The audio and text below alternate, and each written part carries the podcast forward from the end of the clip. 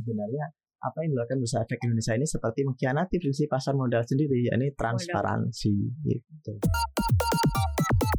Kalau menurut Bursa Efek Indonesia aturan ini diberlakukan ya uh, uh, untuk menghilangkan kode-kode broker dan kode apa domisili broker itu diberlakukan untuk mengikuti best practice internasional. Tapi tidak disebutkan best practice internasional di mana. Kemarin ada kabar, ada kabar kan beberapa uh, broker asing saham ya keluar dari Indonesia. Yeah. Apakah uh, iklim investasi saham di Indonesia sudah tidak menarik bagi mereka? Apakah tidak seperti international best practice? Hmm atau memang sedang memburuk kondisinya karena aturannya nggak jelas. Koneksi konten ekonomi seksi. Hai Sobat Cuan, selamat datang di podcast Cuap Cuap Cuan Seperti biasa, hari ini hari Rabu ada koneksi, konten Ekonomi Seksi Ya, kita akan bahas konten-konten yang seksi hari ini bersama dengan Maria Katarina Ada Head of Research CNBC Indonesia, Arif Gunawan, Mas Argun Dan Yo. juga ada Mas Adamisa di sini produser CNBC Indonesia TV Nah, Sobat Cuan perhatiin nggak sih? Nggak tahu nih kalau Mas Adam, Mas Argun hmm. kayak gimana Memperhatikan nggak sih semenjak uh, penetapan penghapusan kode broker di Bursa Efek Indonesia, ya. transaksi ini mulai agak sepi. Sekaligus juga IHSG-nya mendelep ya sampai sekarang tuh koreksi ke 6.600 kalau sekarang nih pasca kita lagi ngobrol nih di 6.600 gitu ya 6.600an untuk perdagangan di Bursa Efek Indonesia. Merhatiin nggak sih atau itu cuman kayak gua aja yang ngerasa bahwa ah, ngaruh banget nih kayaknya kode broker dicabut. Uh, investor retail secara keseluruhan ternyata udah nggak bisa lagi punya acuan. Akhirnya bingung nih mau ikut yang mana. Nggak tahu sih kalau lo ngeliatnya gimana. Kalau gue memperhatikannya agak-agak ada ada ngaruhnya.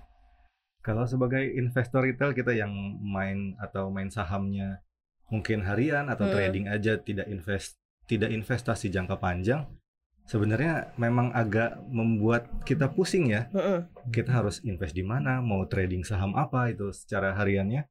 Kita akan bingung pasti. Karena yang namanya investor retail kecil ini itu kan tidak bisa menggerakkan harga. Tapi katanya untuk investor investor-investor yang besar, uh, sekuritas yang uh, memegang uang banyak, big money, itu kan pergerakannya akan membuat harga saham itu uh, cukup apa bergerak ya mm-hmm. bisa dia nanti naik atau turun gitu kan nah ketika kita tidak tahu uh, bandarnya ke mana nih istilahnya gitu yeah. itu kita akan kesulitan tuh menentukan uh, kira-kira kita mau ngambil cuan di saham apa ya hari ini gitu kan paling mm-hmm. pegangan kita adalah berdasarkan hasil perdagangan akhir perdagangan di hari kemarin di hari sebelumnya mm-hmm. tapi masalahnya belum tentu di hari berikutnya uh, trennya akan tetap sama siapa tahu sudah jenuh beli terus kemudian dia akan turun gitu kan. Itu yang akan membuat orang-orang bingung sih sebenarnya terutama investor retail yang cukup banyak jumlahnya di Indonesia mm -hmm. bukan gitu ya Mas Argun? Gitu nggak sih Mas? Karena kan investor uh, transaksi perdagangannya broker atau uh,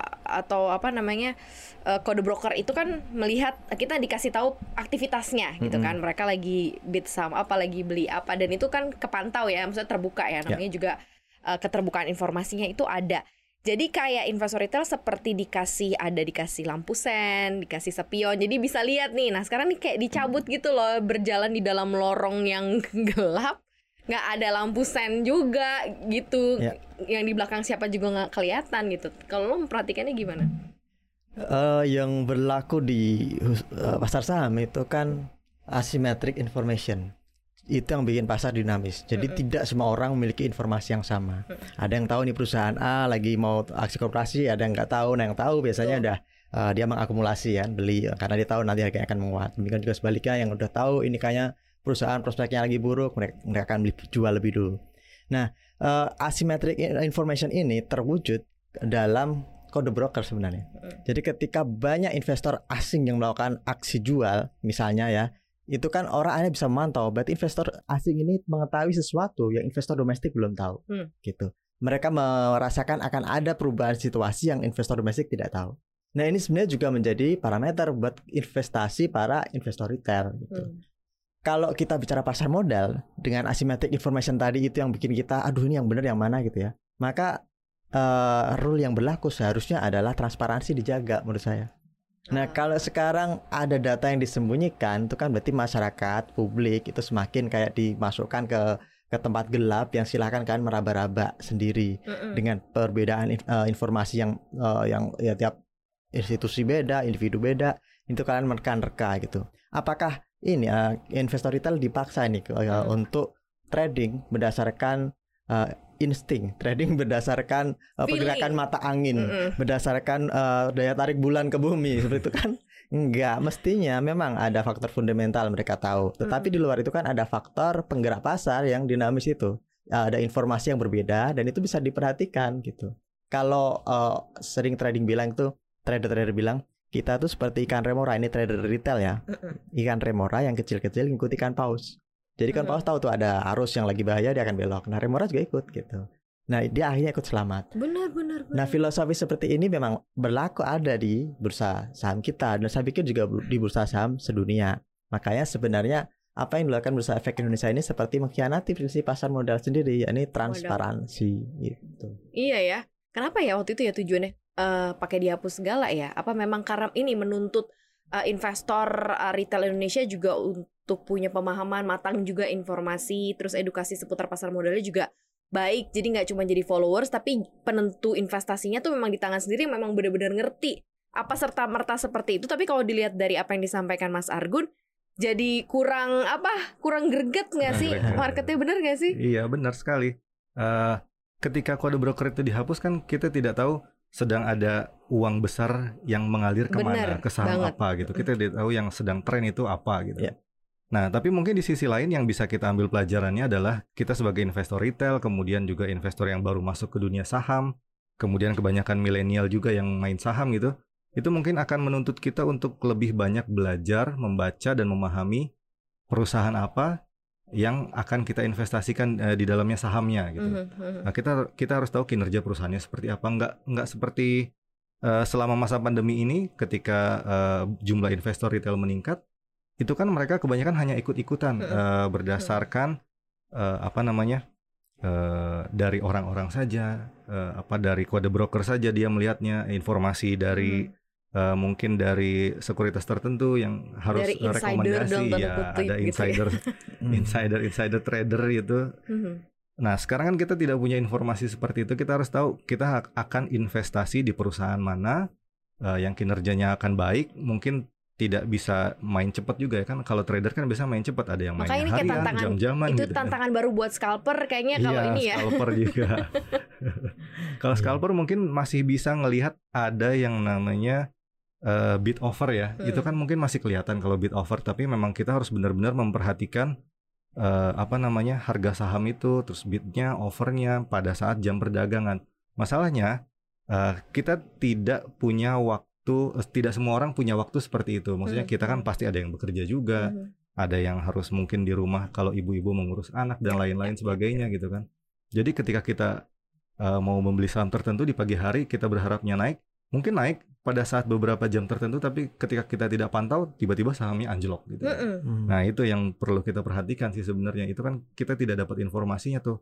Karena kalau misalnya kode brokernya kelihatan, itu kan akan kelihatan siapa sekuritas yang sedang mengumpulkan Jual saham atau yang lagi itu, ngumpulin. terus tiba-tiba siapa yang menjual saham tersebut seperti itu sih. Kalau di luar negeri kayak gimana sih Mas Argun? Ada yang mengatakan sebenarnya bahkan eh, belak-belakan gitu. Mhm. Eh, ya ini bandar dan belak-belakan mereka transaksinya Mhm. berapa dan itu kelihatan. Mm-mm. Jadi ya kalau memang misalnya ada perang antar bandar terhadap saham tertentu tuh ya memang eh, kelihatan, gitu. kelihatan. Nah ini gimana nih Mas? Kalau menurut Bursa Efek Indonesia, aturan ini diberlakukan ya eh, eh, untuk menghilangkan kode-kode broker dan kode apa domisili broker itu diberlakukan untuk mengikuti best practice internasional. Tetapi tidak disebutkan best practice internasional di mana. Iya. Coba eh, sobat cuan cari sendiri ya di eh, komputer masing-masing cari. Adakah keterangan dari Bursa Efek Indonesia yang menyatakan eh, data broker di Inggris misalnya dihapus, data broker di Amerika dihapus? Saya yakin eh, Bursa Efek Indonesia akan eh, ya akan nyari jawabannya agak susah dia. Kalang kabut juga. Kalau kabut juga karena sekarang faktanya kalau di Amerika Serikat kemarin kan ada keramik GameStop. Mhm. Nah, bagaimana mungkin investor retail bisa tahu bahwa si Cal, siapa nih Cal, Calvin ya atau itu eh, Belvin ya? Belvin, Belvin. Belvin Capital. Iya. Ya, itu yang melakukan short selling. Bagaimana mereka bisa tahu? Ya karena data pasarnya itu terbuka oleh publik gitu.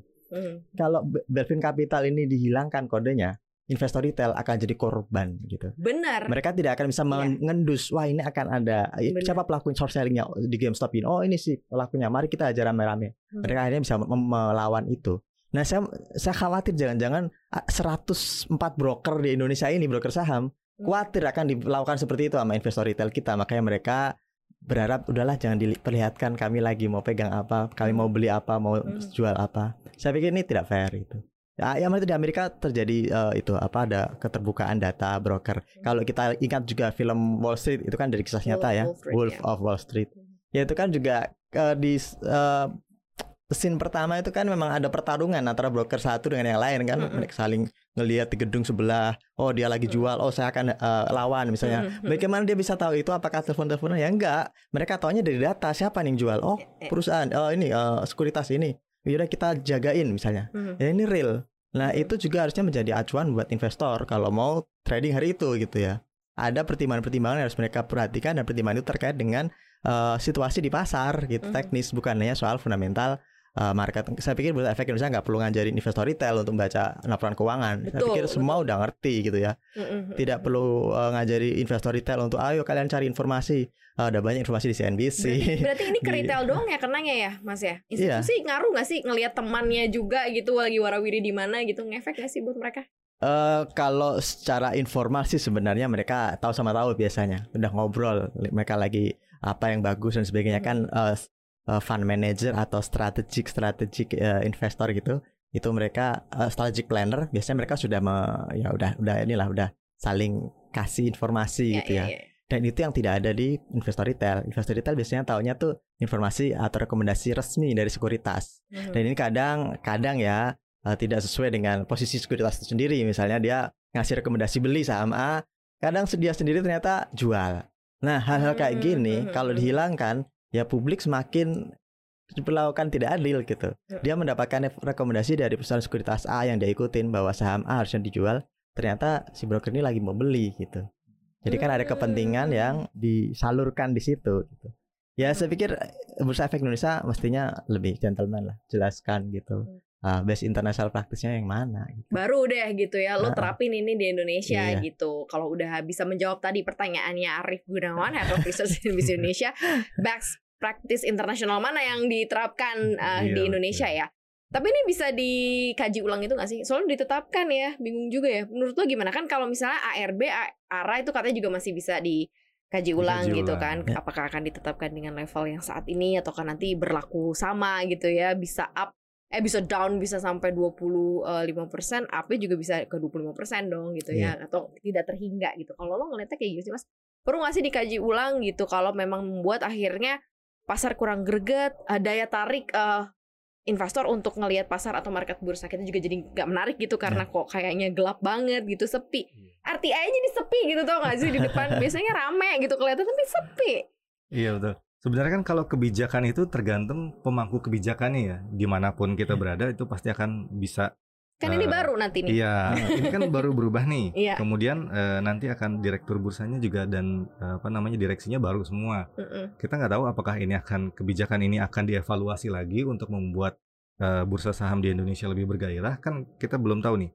Dalam satu bulan dua bulan ke depan apakah nilai transaksi di bursa efek Indonesia akan naik atau turun gitu kan dengan adanya eh, penghapusan kode broker ini terus kemudian juga net sell net buy-nya juga kita kita tidak tahu asing itu bergerak ke mana Hmm. eh, dananya gitu kan. Nah, Ya. itu yang harus kita perhatikan dalam beberapa bulan ke depan. Kalau misalnya ini tidak semakin menarik, mungkin eh, beberapa orang kalangan terutama millennials mungkin ya, itu akan pindah ke eh, instrumen investasi yang lain. lain. Iya, seperti misalnya kayak kripto walaupun lagi Mm. crash tapi kan ternyata ada peluang yang bisa dimanfaatkan gitu kan.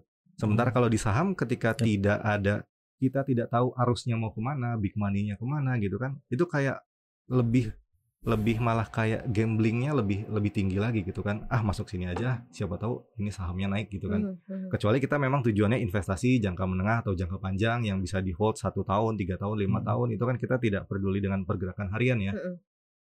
Masalahnya untuk trading harian kita kan harus tahu eh, ini aliran uangnya sedang ke mana nih gitu kan. Ya. Nah kalau untuk masalah kebijakan eh, pasti tidak menutup kemungkinan akan ada perubahan lagi demi membuat eh, nilai transaksi di bursa efek Indonesia itu akan uh, lebih meningkat lagi karena sampai saat ini nilai transaksi di Bursa Efek Indonesia dari masa pandemi sampai hari ini sih sebenarnya sudah cukup naik ya dari Mhm. 10 sampai 12 triliun sekarang mungkin bisa sampai 15 triliun per hari gitu kan. Ya. Nah, tapi dengan adanya kebijakan ini apakah orang-orang akan mulai meninggalkan trading saham gitu kan dan beralih ke lebih ke investasi atau mungkin instrumen investasi yang lain?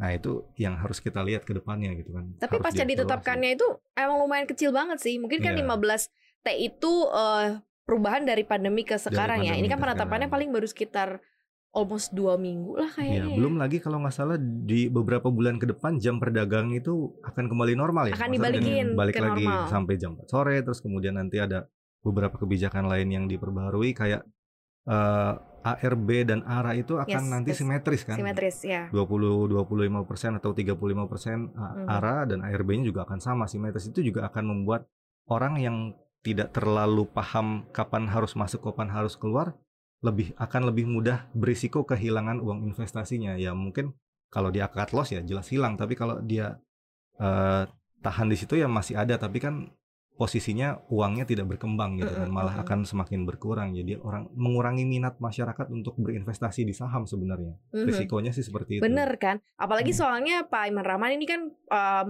menargetkan 13 ribu triliun kan apa namanya uh, market uh, capnya market cap untuk indeks harga saham gabungan ya di Ya. level-level sekarang. Nah dengan adanya peraturan-peraturan yang kayak gini gimana nih apa yang harus di uh, review mungkin nih kalau dari Mas Argun nih ngelihat sekaligus mungkin memberikan komparasi supaya uh, market kita juga performnya baik gitu loh Mas. Kalau di compare sama beberapa negara-negara yang memang sudah mungkin menerapkan hal-hal yang berbeda gitu karena kan itu Ya. otoritas ya yang nentuin ya. Iya, itu kan ditetapkan dengan peraturan bursa gitu. Mm-mm. Jadi sangat-sangat mudah diubah sebenarnya. Jadi nanti kalau ada direksi baru atau harus direksi baru, direksi yang sekarang misalnya mungkin tercerahkan, siapa tahu ya. Mm-mm. Nah, Dengerin ya bisa ya. dicabut lagi bisa gitu. Kita kalau peraturan OJK agak susah gitu ya. Tapi ini kan peraturan bursa dan itu dia self regulated organization. Jadi ya sebenarnya gampang. Kalau di negara lain tuh kita ngelihatnya gini aja dari sisi ini aja lah eh, kepentingan brokernya. Eh, di Singapura tuh cuma ada 9 broker kalau nggak salah ya, 9 atau 10 broker saham yang resmi. Jadi kalau kita mau trading ya cuma di 9 perusahaan itu. Kemudian di Thailand itu sudah sekitar 43, Malaysia sekitar 30-an, broker Indonesia berapa? 104. Hmm. Banyak Jadi ya. kenapa banyak banget gitu? Mungkin ini memang menguntungkan gitu. Hmm. Sama kayak di India, di negara Bollywood ini ada 300 broker lebih banyak dari Indonesia. Tapi ya itu bisa dimaklumi karena mereka kan negara yang gede gitu ya. Eh, eh, penduduknya terpadat eh, kedua dunia setelah Cina. Jadi dengan banyaknya broker yang banyak itu menandakan bahwa eh, bisnis brokerage di Indonesia itu sangat menjanjikan, sangat menguntungkan. Buktinya yang punya izin dia eh, pegang terus gitu. Sekarang kan ada tuh perusahaan eh, sekuritas yang sudah tutup tapi izinnya eh, atau tidak aktif tapi izinnya masih ada dan dia nggak mau kembaliin karena itu nanti berharga yang nyari itu banyak Iya, gitu. iya. Tetapi pada secara bersamaan kenapa broker-broker asing pada hengkang? Kemarin ada kabar, ada kabar kan beberapa broker asing saham ya keluar dari Indonesia. Iya.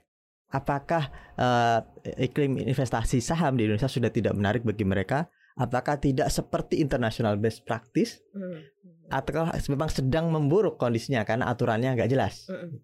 Nah saya pikir itu yang harus dievaluasi sekarang sama, sama Bursa Efek Indonesia gitu. Kalau kita bandingkan dengan negara lain ya tadi misalnya kayak di Singapura, setahu saya data-data itu ada real time gitu. Jadi kalau trading di sana 9 broker itu kelihatan mereka lagi beli saham apa, eh, jual saham apa, dan itu juga memang tidak bisa diketahui apakah itu mewakili satu investor atau beberapa investor saja karena kan ada- pasti ada banyak kan. Dan ya, ya itu yang bikin kemudian orang nggak nganggap itu sebagai sikap atau uh, positioning uh, broker itu untuk menguntungkan diri sendiri gitu. Mhm. orang udah tahu gitu. Tapi kalau di sini ya misalnya ada broker uh, kadang investor tertentu ngambil posisi A dia akan ikutan. Ikutan ambil posisi itu dia nggak tahu ini sebenarnya ada apa tapi dia ikutan karena dia yakin si investor gede ini tahu sesuatu Iya. Nah, hal kayak gini itu yang disebut piggybacking. Piggy ya, babi ya. Piggybacking, ngikutin eh, babi berjalan. Dan itu yang kata Bursa Efek Indonesia eh, jadi alasan kenapa ini kode-kode dihapus. Hmm. Ini kan aneh. Hmm. Hmm. Karena piggybacking itu bisa dilakukan oleh broker, Iya, iya, iya. bukan oleh investor Bener. eh, retail saja gitu. Tetapi kenapa investor retail tidak boleh Tidak melakukan boleh, piggy iya. Saudara yang eh, broker-broker itu ya aman-aman saja, Uh, nggak ada uh, aturan yang uh, melarang uh, itu, uh, gitu. uh. Ini kan yang ya menurut saya peraturan yang yang nggak jelas ya seperti ini, nggak ada naskah akademisnya pastinya kan ya, karena kan juga sepihak. Dan ya itu tadi nggak dijelaskan international best practice-nya di mana. Dan kalau kita bandingkan dengan negara lain, ya awal eh, secara umum sih setahu saya saya bisa jadi salah karena kan ada eh, banyak lah ya bursa efek di Indonesia di di dunia. Dan itu tidak eh, tidak mu- semuanya menjalankan apa yang dilakukan oleh bursa efek Indonesia sekarang. Gitu. Itu dia. Mumpung kan uh, direksi baru uh, terpilih, mungkin bisa dengar juga ya podcast kita terkait ini atau nanti uh, aku tag aja langsung ke Bursa Efek Indonesia ya supaya bisa dengar juga, bisa menjadi Bisa bahan jadi pertimbangan. pertimbangan. Benar, Ya. jadi bahan pertimbangan. Kan kita pengen market kita juga tetap uh, seru gitu ya dan Ya. kan pengen juga kan banyak orang yang melek investasi uh, di pasar modal gitu. Jadi ya kalau marketnya asik juga pasti orang pasti pada mampir deh gitu kan. Kalau warung lo asik kan pasti pada datang semua, bener kan? Terima kasih ya Sobat Cuan udah dengerin kita hari ini. Jangan lupa dengerin konten podcast kita lainnya. Di mana Mas Adam? Oh ya, jangan lupa saksikan dan dengarkan konten podcast Cuap Cuap Cuan di Mhm. Spotify, Google Podcast, Apple Yes. Podcast, dan juga Anchor. Cakep. Jangan Iya. lupa juga untuk follow akun Instagram kita ya di @cuap underscore cuan. Dan di subscribe YouTube channel kita di Cuap Cuap Cuan, di like, share, dan juga komen. Kasih input buat kita bikin konten yang menarik lagi buat Sobat Cuan.